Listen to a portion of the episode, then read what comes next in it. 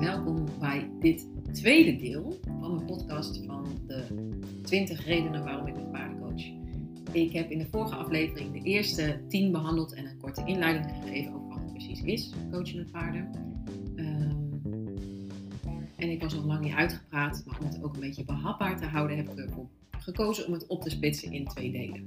Dus ik wil nu verder gaan bij um, reden 11. En um, nou, ik kijk aan het eind even over hoe lang ik dan bezig ben geweest, hoeveel tijd ik dan nog heb. Um, dan check ik even of ik de vragen die ik via Instagram binnen had gekregen, of die beantwoord heb. En misschien uh, nou, nog een aantal mooie voorbeelden van, uh, van sessies. De elfde reden waarom ik met paardencoach is, um, noem ik de wijsheid van de kudde. Dus ik heb al in de vorige aflevering iets uitgelegd over uh, kuddes en hoe een kudde paarden dat werkt. Iedereen heeft zijn eigen rol. Um, er is een bepaalde hiërarchie die functioneel is voor de kudde om te overleven, om goed te functioneren.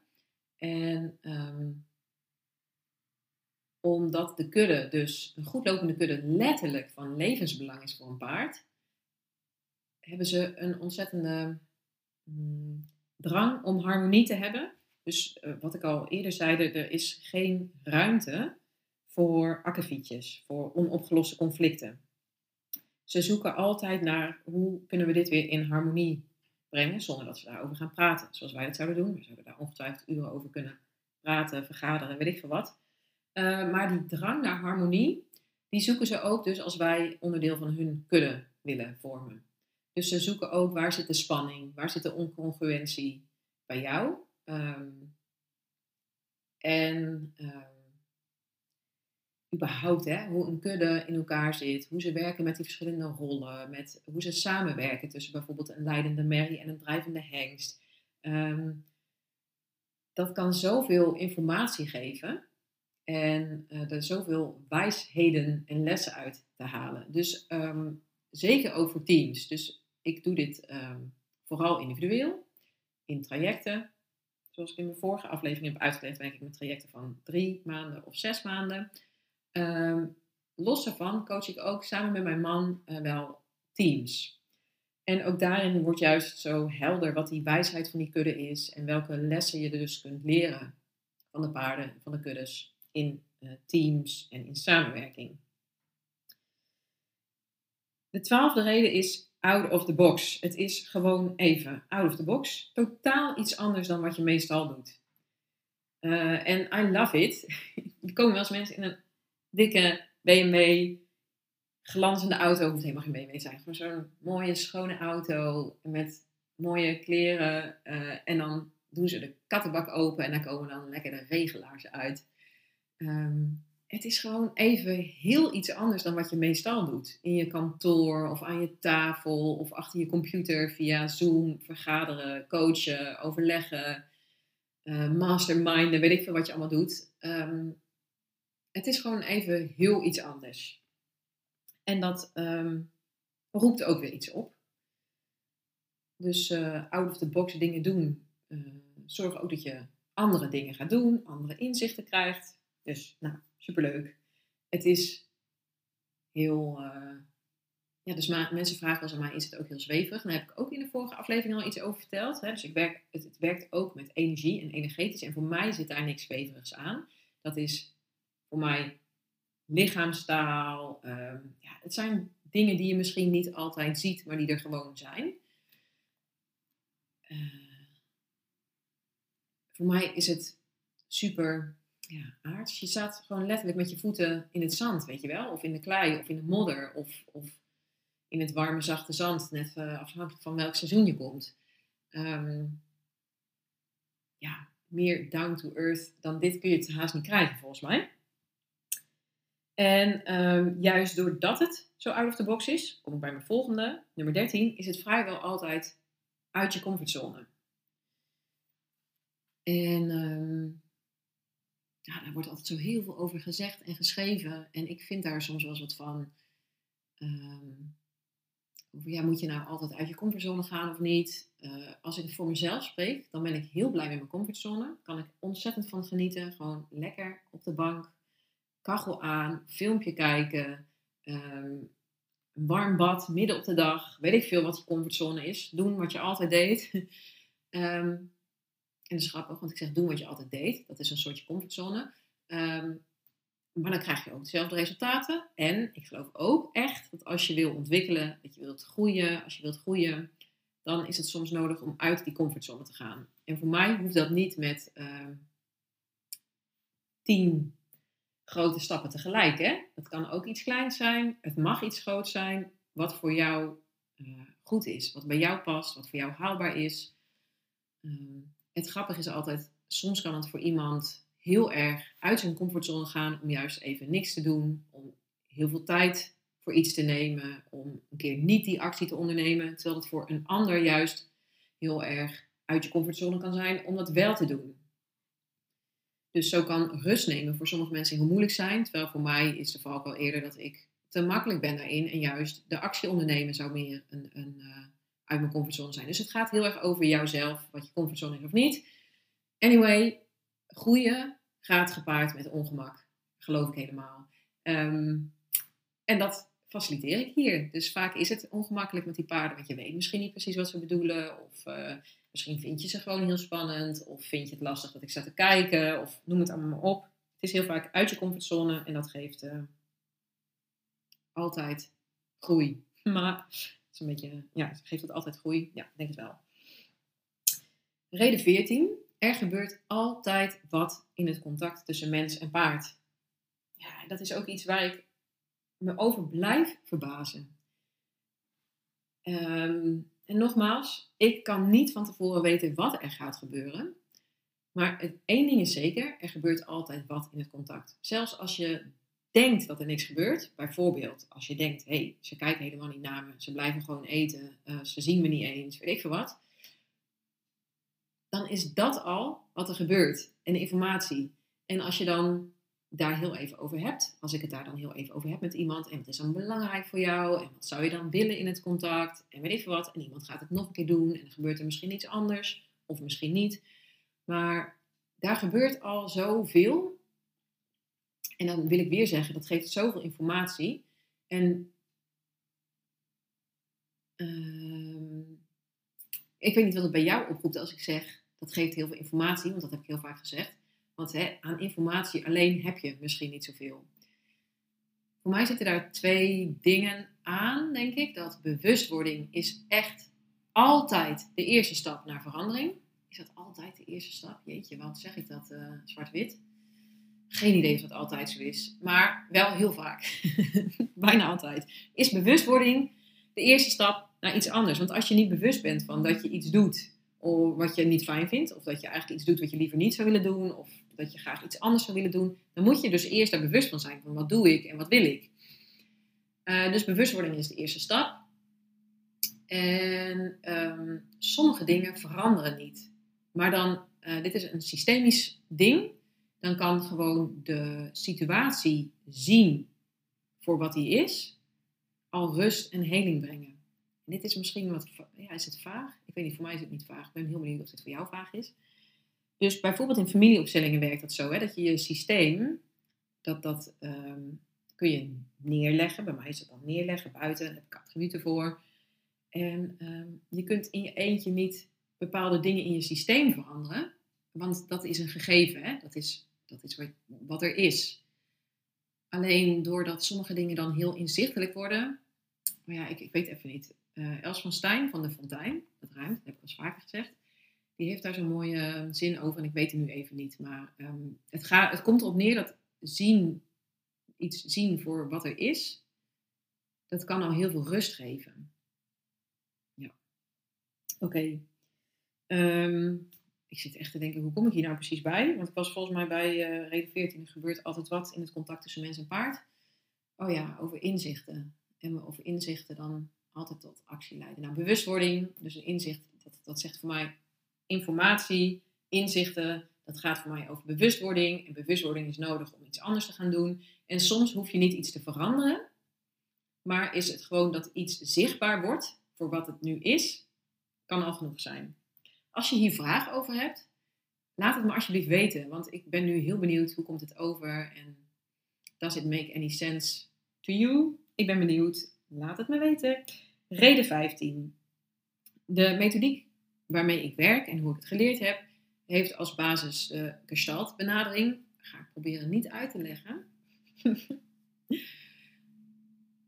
als je het leuk vindt om daar meer over te weten, ook stel me vragen. Maar ik weet niet of het per se heel helpt is als ik daar heel veel informatie over ga geven. Wat, er, wat ik er wel over wil zeggen, is dat ik ook vertrouw op dat zich aandient wat er nodig is. Dus ehm, als je instapt in een traject bij mij, dan hebben we het sowieso over waar sta je nu, waar wil je heen, wat wringt er nu, wat zou je graag willen. Nou, noem het allemaal op, gewoon de dingen die horen bij een intake en een kennismaking en bij een start. Waar wil je naartoe werken? Dat doen we allemaal.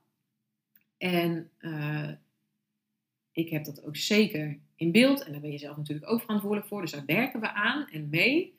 En tegelijkertijd werk ik ook vaak met wat zich aandient omdat soms kun je in je hoofd wel bedenken van, oh, dit is het thema en hier heb ik moeite mee en dit zou ik graag anders willen. Ehm, maar komt er in een sessie met de paarden heel vaak eigenlijk misschien iets naar boven wat veel meer op de voorgrond is en waar je eigenlijk dus meer behoefte hebt aan om daar eerst mee aan de slag te gaan. Altijd in overleg en we stemmen dat samen af. En ook als ik denk, goh, we zijn nu drie, vier sessies verder en uh, we zijn steeds nu met dit thema bezig, terwijl bij aanvang hebben we dit gezegd. Hoe is dat voor je? Dat kunnen we gewoon bespreken. Um, nou ja, dat is hoe ik werk en waar ik in geloof en waar ik op vertrouw, is er dient zich altijd aan wat er in dat moment nodig is. Reden 16 is, daar heb ik ook al iets uitgelegd over in uh, de vorige aflevering, projectie. Ik werk met projectie. Um, projectie is voor mij dat je dus je eigen gevoelens, behoeften, ervaringen, situaties soort plakt op wat je ziet. Of wat je ervaart, of wat je meemaakt. Ah, nu denk ik heel snel. Oké, goed voorbeeld, goed voorbeeld. Nou, dat, voorbeeld van het rollen was er natuurlijk al. Uh, even nadenken. Ik zit na te denken of ik nog een ander voorbeeld weet ik heb ook wel eens, dat, dat, dat is grappig, het is niet per se heel paardgerelateerd, maar het, had wel, het was wel tijdens een sessie. Uh, stonden we een poosje te praten. Het was een duo-sessie, een stijl. Dat doe ik ook soms. Samen met een man en in dit geval met een andere collega. Um, als ik met meer dan één persoon werk, werk ik over het algemeen ook met een extra coach. Juist omdat ik ook met de paarden werk. Dus ik wil graag de veiligheid goed kunnen waarborgen.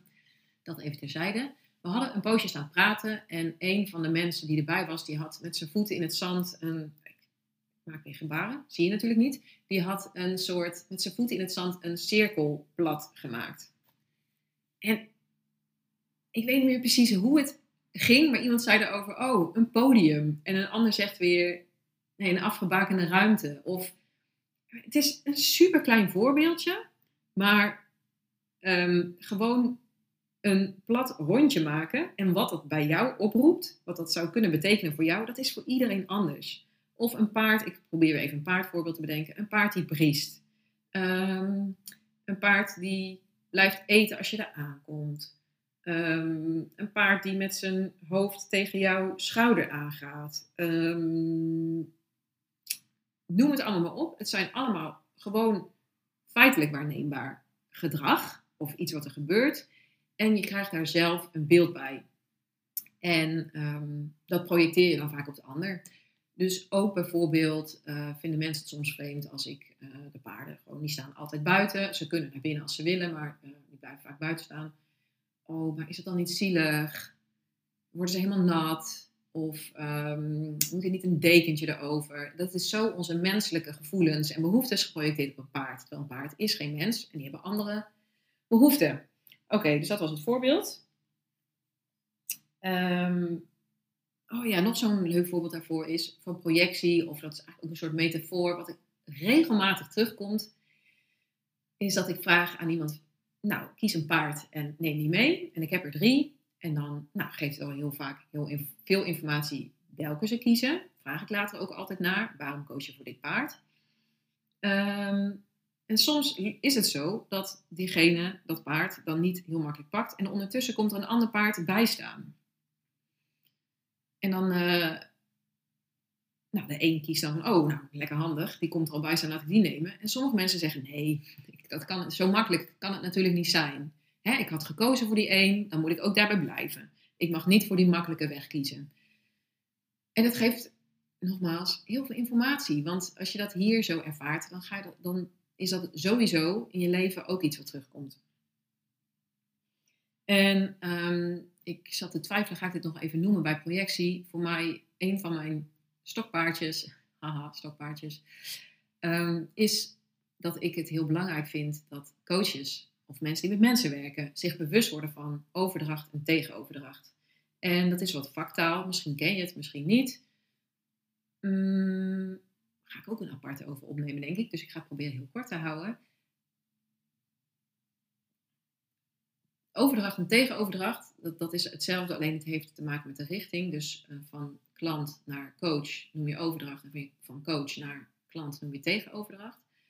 En dat heeft te maken met dat je bepaalde gevoelens van jezelf projecteert op je klant. Dat is dus tegenoverdracht. Dus uh, ben je op zoek naar goedkeuring, en uh, gaat je klant, uh, komt uh, steeds te laat of heeft de afspraak steeds afgezegd of weet ik veel wat, dan doet dat iets met jouw gevoel van goedkeuring. Of dat doet iets, misschien voelt het als afwijzing. Of misschien heb je het idee van, hey shit, ze vinden me niet goed. Of, dus daar krijg je bepaalde gedachten bij, gevoelens bij. En vervolgens benader je je klant vanuit dat perspectief. Dus misschien zou je zeggen, jeetje, je bent niet gemotiveerd. Of nou ja, whatever. Maar dan is het dus vertroebeld met jouw eigen projectie. En hier komt dus in een stokpaardje, als je daar bewust, dat, dat dit gebeurt is niet de vraag. Alleen ben je er bewust van als het gebeurt. En dan, als, als je er bewust van bent, dan kun je daar namelijk aan werken. Niet om het dan dus uit te bannen of te zorgen dat het niet meer gebeurt, maar dat je het heel snel opmerkt en dat je weet, oké, dit is van mij, dit kan ik nu parkeren, dan kan ik nu weer focussen op het hier en nu en wat gebeurt er in het hier en nu. Oké, Um, even denken, ik moet even een blaadje omslaan. Reden 17. Paarden hebben geen verborgen agenda. En dit is iets wat ik zelf heel prettig vind. En ik hoor hem ook regelmatig terug bij klanten. Eén ehm, ding voor mij vind ik heel ingewikkeld in contact met mensen als ik het idee heb dat ze een verborgen agenda hebben. Ik weet dat nog heel goed uit mijn tijd dat ik in loondienst werkte en bijvoorbeeld een gesprek had met mijn werkgever of met mijn leidinggevende. En dat het in het gesprek best wel fijn voelde. En ik voelde me gezien, gehoord, begrepen. En dan kwam er een afspraak en dan liep ik de gang uit. En dan heb ik best wel eens gedacht, ik dacht, hè? Ben ik nu, ben ik erin getrapt? Ben ik ergens ingeluisterd? Dit geeft natuurlijk ook heel veel informatie over uh, hoe ik dat dan ervaar. Dus is ook projectie van mij. En tegelijkertijd herken je misschien wel iets van, ik heb dat al eerder ook genoemd, van als, je, als iemand, ah ja, als er een verborgen agenda is, als er meerdere belangen tegelijk spelen.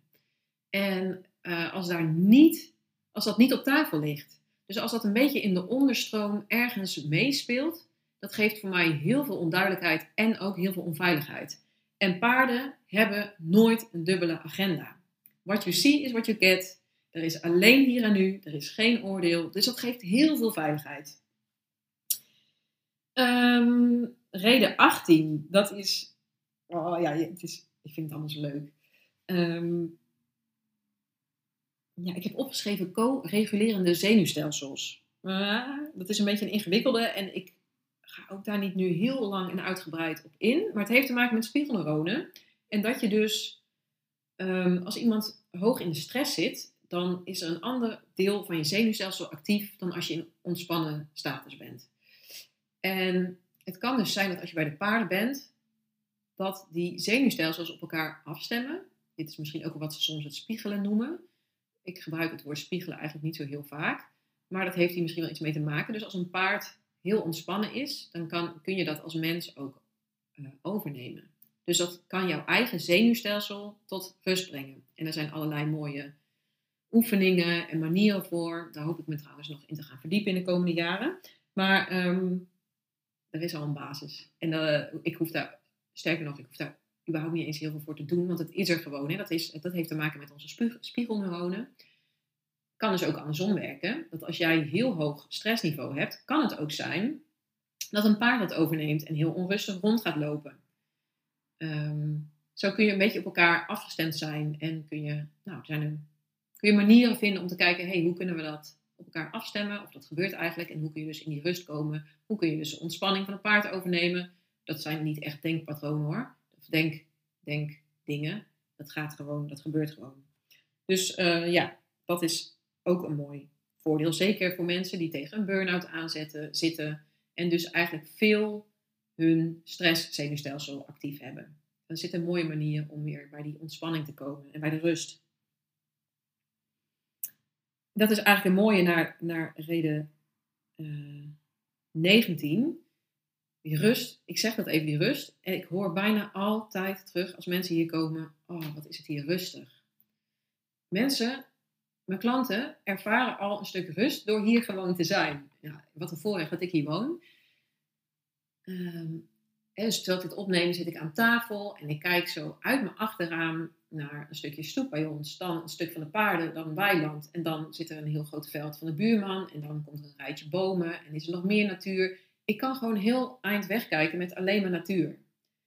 Uh, er is hier echt wel wat geluid. Misschien hoorde je net wat achtergrondgeluid, want er is, aan de voorkant zit wel een weg en daar werd denk ik net iets van een straat gemaakt of zo. Geen idee. Ik weet niet of je dat kunt horen op de achtergrond, maar er is wel wat ruis. En ik hoor wel eens de weg. En er loopt een wandelpad langs ons huis, dus er komen wel eens mensen langs lopen. Maar in de basis is er gewoon heel veel rust. Je hoort de vogels fluiten. Ja, nou ja. Ehm, en die rust, die doet wat met je. Dat brengt zoveel ontspanning met zich mee. En vanuit die ontspanning kom je ook makkelijker tot leren, tot ontwikkeling. Um, reden 20 is ik heb dus nu 21 redenen, jongens, wat leuk. Uh, reden 20 is dat het je het werk met de paarden, coachen met de paarden. Oh ja, die vorige was niet echt per se waarom ik met paarden coach. Maar goed, dat, dat ik met paarden coach betekent wel dat ik hier woon, de paarden heb en dus zoveel natuur heb, waardoor je ook rust ervaart. Oké, zo kan ik hem weer mooi voor mezelf rondmaken. Reden 20 is, um, het werken met de paarden stimuleert je je eigen oplossingen te vinden. En één mini praktisch klein voorbeeld daarvan is als ik vraag: wil je een paard halsteren? En je hebt geen ervaring met paarden. Ik heb een mandje met allerlei spulletjes. En je hebt geen idee hoe het werkt. Geen idee. Wat is het? Wat is de voorkant? Welke, welke moet ik hebben? Uh, hoe moet die om? Moet die vastgemaakt worden of niet? Uh, dat, dit brengt vaak ongemak met zich mee als je het niet weet. En mensen vragen vaak: hoe moet dit? Wil je me helpen? En ik doe dat niet. En dat is altijd. Uh, ik wou zeggen, is dat lullig? Nee, dat is niet lullig, want ik help je daarmee. Door het niet te doen, help ik je juist. Want hoe deal je met dingen die je niet weet? Hoe ga je om met situaties waarin je niet weet wat er van je verwacht wordt, waarin je niet weet precies hoe het werkt? Um, kijk, dat kom je ongetwijfeld nog een keer tegen in je leven. En dan sta ik er ook niet bij om te zeggen hoe je het moet doen. Dus hoe ga jij om met het niet weten? En hoe vind je oplossingen voor je eigen problemen? dat faciliteert het werk met de paarden. Hoe vind je je eigen oplossingen? Kijk, het kan zijn voor iemand die het heel moeilijk vindt om hulp te vragen en te accepteren. Ehm, en die dus eerst heel lang zelf gaat puzzelen, zoeken, proberen, uh, weet ik veel wat, aan de gang gaat. En het lukt uiteindelijk niet. En wij hebben het daarover. En, en diegene zegt, ja, ik zou wel wat meer hulp mogen vragen in mijn leven. Kijk, als iemand dan mij om hulp vraagt, dan vind ik het anders. Dan kan ik misschien meedenken. Maar dan past het in dat proces. Voel je? Yes. En als laatste reden, de 21ste, misschien wel mijn favoriet. Nee, dat is niet waar. Maar wel één die ik heel leuk vind, is ehm, waarom ik met paardencoach is dat ik dan zelf niet zo hard hoef te werken. dat is natuurlijk een beetje een grapje, want als het goed is, gaat geen enkele coach hard werken voor je. Of überhaupt. Hè? Dus dat is de uitdaging, denk ik, voor heel veel coaches om niet hard te gaan werken. Maar om uh, om te zijn, om achterover te leunen en vooral vragen te stellen en dus die ander zijn eigen oplossingen te laten vinden, het faciliteren, de, de veilige ruimte creëren. Ehm, maar voor mij helpt dat echt ontzettend dat ik met de paarden werk. Want als ik het even niet weet, kan ik altijd terug naar mijn paarden. Wat doen ze nu? Wat laten ze nu zien? Um, eh, als ik merk dat iemand heel veel praten in zijn hoofd zit, dan kan ik ze altijd weer, nou joh, ga nog een, eh, een activiteit met de paarden doen en probeer even niet te praten, maar ga heel erg stilstaan bij wat voel je in je lijf. Nou weet ik, ik zeg nu maar wat, maar ik kan altijd terug naar de paarden, waardoor ik zelf nog makkelijker een luie coach kan zijn. En I love it. I love it omdat ik, uh, niet omdat ik gewoon lui ben van mezelf. Dat, dat, is, dat, dat heb ik misschien wel eens gedacht en dat heb ik wel ook wel kan een oordeel op zitten dat ik lui ben. Maar ik bedoel dat in deze context helemaal niet. Want ik geloof juist dat um, luie coaches de beste coaches zijn. Dus wil je daar meer over weten? Laat het me even weten en stel je vragen gerust. En terwijl ik dit zo net zit te zeggen, dacht ik, oh ja, je hebt dus ook nog het hele het dragen van het ongemak. Kan ik, kan ik dus als iemand een hals om wil doen en die heeft geen idee en die vraagt mij om, om hulp en ik doe het niet, kan ik dat ongemak dragen? Ehm, het faciliteren van een veilige omgeving. Dat zit er ook in, hè, met die paarden. Dus door al wat ik zei, dus door de rust, door de hormonen die vrijkomen, doordat ze zacht, fluffy, mooi en lief zijn. Dat draagt allemaal bij aan het creëren van een veilige ruimte. Van ja, holding space, een safe space, een, een dragend veld waarin jij helemaal jezelf mag en kan zijn en laten zien. Dus dit, uh, dit zijn geen aparte redenen meer, maar dat vond ik wel nog een mooie afsluiter. Ik ga even kijken um, of ik de vragen die ik gehad heb. Uh, nu denk ik, oh ja, ik had ook nog bedacht. Een van de vragen was: kun je voorbeelden van activiteiten noemen? Nou zijn er al een aantal teruggekomen: contact maken, een paard halsteren en meenemen. Of überhaupt gewoon de vraag: wil je een paard meenemen? Hè, en of je hem dan halstert dat betekent een halster aandoen of niet. Dat is dan aan jezelf. Um, het kan gewoon heel simpel zijn, een rondje lopen. Maar het kan ook zijn, wil je eens je familiesysteem neerleggen. Daar heb ik allerlei attributen voor. Um, een kernkwadrant of um, een cirkel van invloed of een thermometer. Eigenlijk, het maakt eigenlijk heel vaak niet uit wat de activiteit is. Om, nogmaals, omdat ik vaak ja, ik geloof en ik heb er vertrouwen in dat zich aandient wat nodig is. En dan maakt het eigenlijk heel vaak niet eens uit welke activiteit ik doe. Um, maar goed, er zijn natuurlijk een heleboel leuke activiteiten. Dus een thermometer, dat kan over stress gaan, maar dat kan over een heleboel andere dingen gaan. Of maak een eigen ruimte en zorg dat je contact hebt met het paard, maar dat het paard niet in jouw ruimte komt. Of um, kun je een parcours maken of maken ze de weg naar. En dan heb je bijvoorbeeld een doel voor je en een startpunt. En kun je dan de route maken naar dat punt en ga dan eens die route met het paard lopen. Oké, misschien helpt het als ik niet te veel voorbeelden geef, want het is ook leuk. Uh, als je nieuwsgierig bent, dan zou ik zeggen, kom vooral. Ik wil zeggen, meld je aan voor een kennismaking als je er meer over wil weten. En ineens realiseer ik me, die heb ik nog niet bijgewerkt. Dus dat ga ik straks gelijk doen. Je kunt via uh, mijn link in bio bij Instagram naar kennismaken, kun je een kennismaking plannen. Dan hebben we gewoon een gesprek over Ehm, wat ik doe, waar jij staat, wat ik voor je kan betekenen. Ehm, en of het uh, misschien een goed idee is om samen te werken. Um, ja, dus ben je nieuwsgierig, doe dat vooral. Je kunt ook een mailtje sturen of mij een DM sturen, dan komt het ook goed. Uh, dat was één van de vragen. Dan heb ik nog een vraag: is het één of meerdere sessies? Nou, dat, dat heb ik denk ik al uitgelegd. Dus ik werk in trajecten van drie maanden of zes maanden. En dat zijn dus meerdere sessies. Um, iemand die vraagt, uh, ik heb wel eens paardencoaching gedaan en dat was heel zweverig. Hoe is dat bij jou? Dan word ik natuurlijk heel nieuwsgierig van wat maakt het dat het zweverig was? Hoe, wat was er precies zweverig? Hoe heb je dat ervaren? En um, nou, ik denk dat het antwoord in deze twee afleveringen wel terug is gekomen. Voor mij is het helemaal niet zweverig. Dat betekent overigens dat, wat betekent dat voor mij?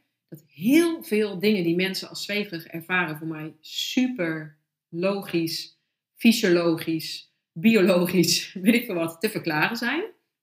Dus bijvoorbeeld uh, het lezen van lichaamssignalen. Uh, dat paarden zijn daar gewoon beter in dan wij en zij reageren daarop. Dus dat geeft informatie. Um, dat hele energetische werken, dat kan, kan ook. Dus dat misschien voor mij uh, vroeger ook wel een soort zweverig oordeel op. Energetisch, oh dat kun je niet zien, dus het is zweverig. Maar um, ik hoop met het voorbeeld wat ik gegeven heb dat dat helemaal niet zweverig uh, wordt ervaren. Of wel, maakt mij niet uit. Ehm, maar oh ja, dat wil ik zeggen. Dus er is voor mij heel veel verklaarbaar. En ik heb ook gezegd, er is bijna voor mij niks ehm, meer down to earth van een manier van coachen dan dit. En ja, ik eh, ehm, kan ook niet alles wat er gebeurt verklaren. Dat betekent niet ineens dat ik in het is voor mij niet per se iets heel groots.